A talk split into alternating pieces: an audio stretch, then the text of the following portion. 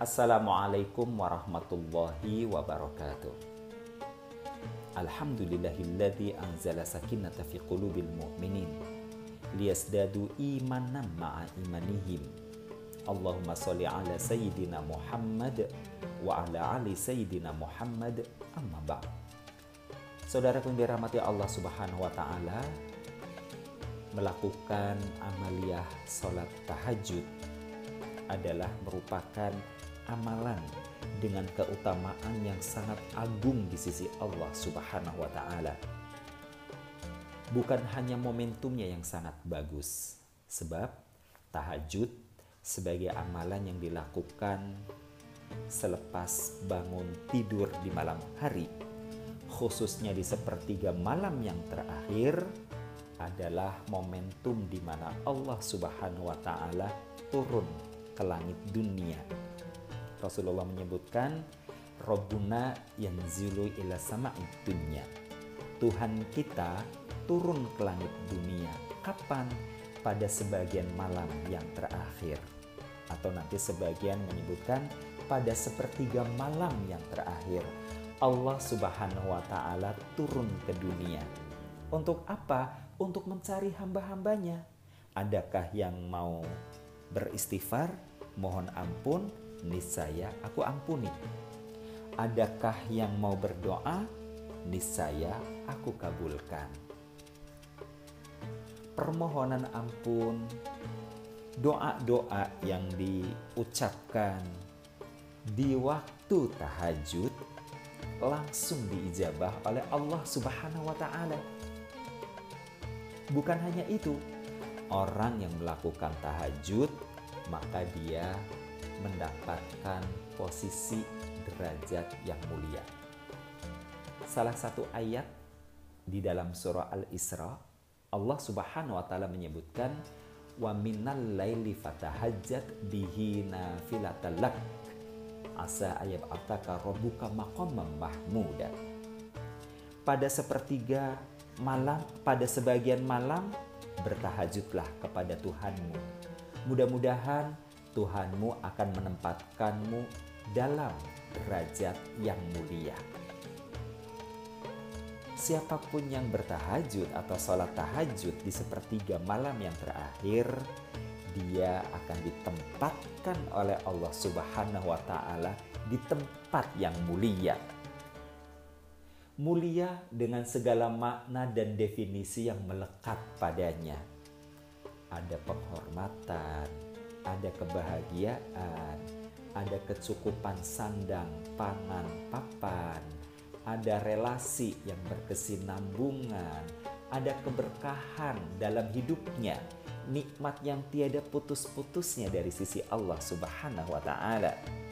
Bahkan kalau sesekali Allah menahan sebagian rizkinya, itu hanyalah sebagai sebuah ujian kesabaran sementara untuk selanjutnya kemudian Allah berikan kepadanya sesuai dengan kebutuhannya. Ini orang yang bertahajud. Tahajud dalam tinjauan kalimat psikologi disebutnya adalah the law of attraction. Ada hukum ketertarikan. Kalau dalam bahasa kita sehingga tahajud merupakan salah satu blazing factor dia bisa menjadi magic yang menarik keberkahan dari sisi Allah Subhanahu wa taala.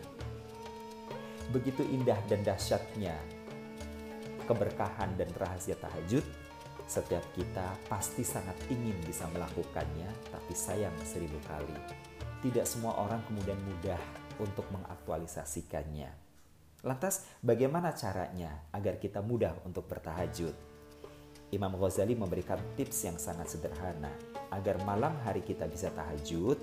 Maka beberapa tips langkah-langkah yang harus kita lakukan adalah pertama, siang harinya pastikan kita hanya melakukan perbuatan baik, amal soleh, dan kita hindari kemaksiatan sekuat tenaga kita. Yang kedua, malam hari ketika kita harus makan besar, maka pastikan porsi makan kita adalah porsi makan yang tidak membuat perut kita kekenyangan. Kalau merujuk pada pesan Nabi, perut kita itu dibagi menjadi, menjadi tiga bagian. Ya, li to'ami, li syarobi, wali nafsi. Jadi dibagi tiga perut kita ini. Sepertiga untuk makan, sepertiga untuk minum, sepertiga untuk bernafas. Jadi cukup sepertiga saja perut kita diisi. Berikutnya kemudian tidur di awal waktu.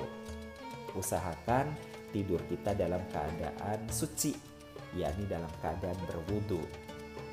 Setelah berzikir, baik wirid Fatimah, doa mau tidur, kemudian juga istighfar dan lain sebagainya, kita bermohon kepada Allah Subhanahu wa taala supaya kita bisa dibangunkan. Misalnya dengan kalimat ya Allah, bangunkan hamba pada jam 3 supaya hamba bisa bertahajud untuk takarub, bermunajat dan mohon ampun kepadamu. Dan langkah lain, langkah terakhir yang bisa kita tempuh, style alarm. Pastikan posisi tidur kita dalam posisi sunnah tidur, baik miring sebelah kanan dengan kepala menghadap ke utara ataupun telentang dengan salah satu kaki yang ditekuk. Maka mudah-mudahan malam itu kita bisa bermunajat, bertahajud kepada Allah Subhanahu wa taala.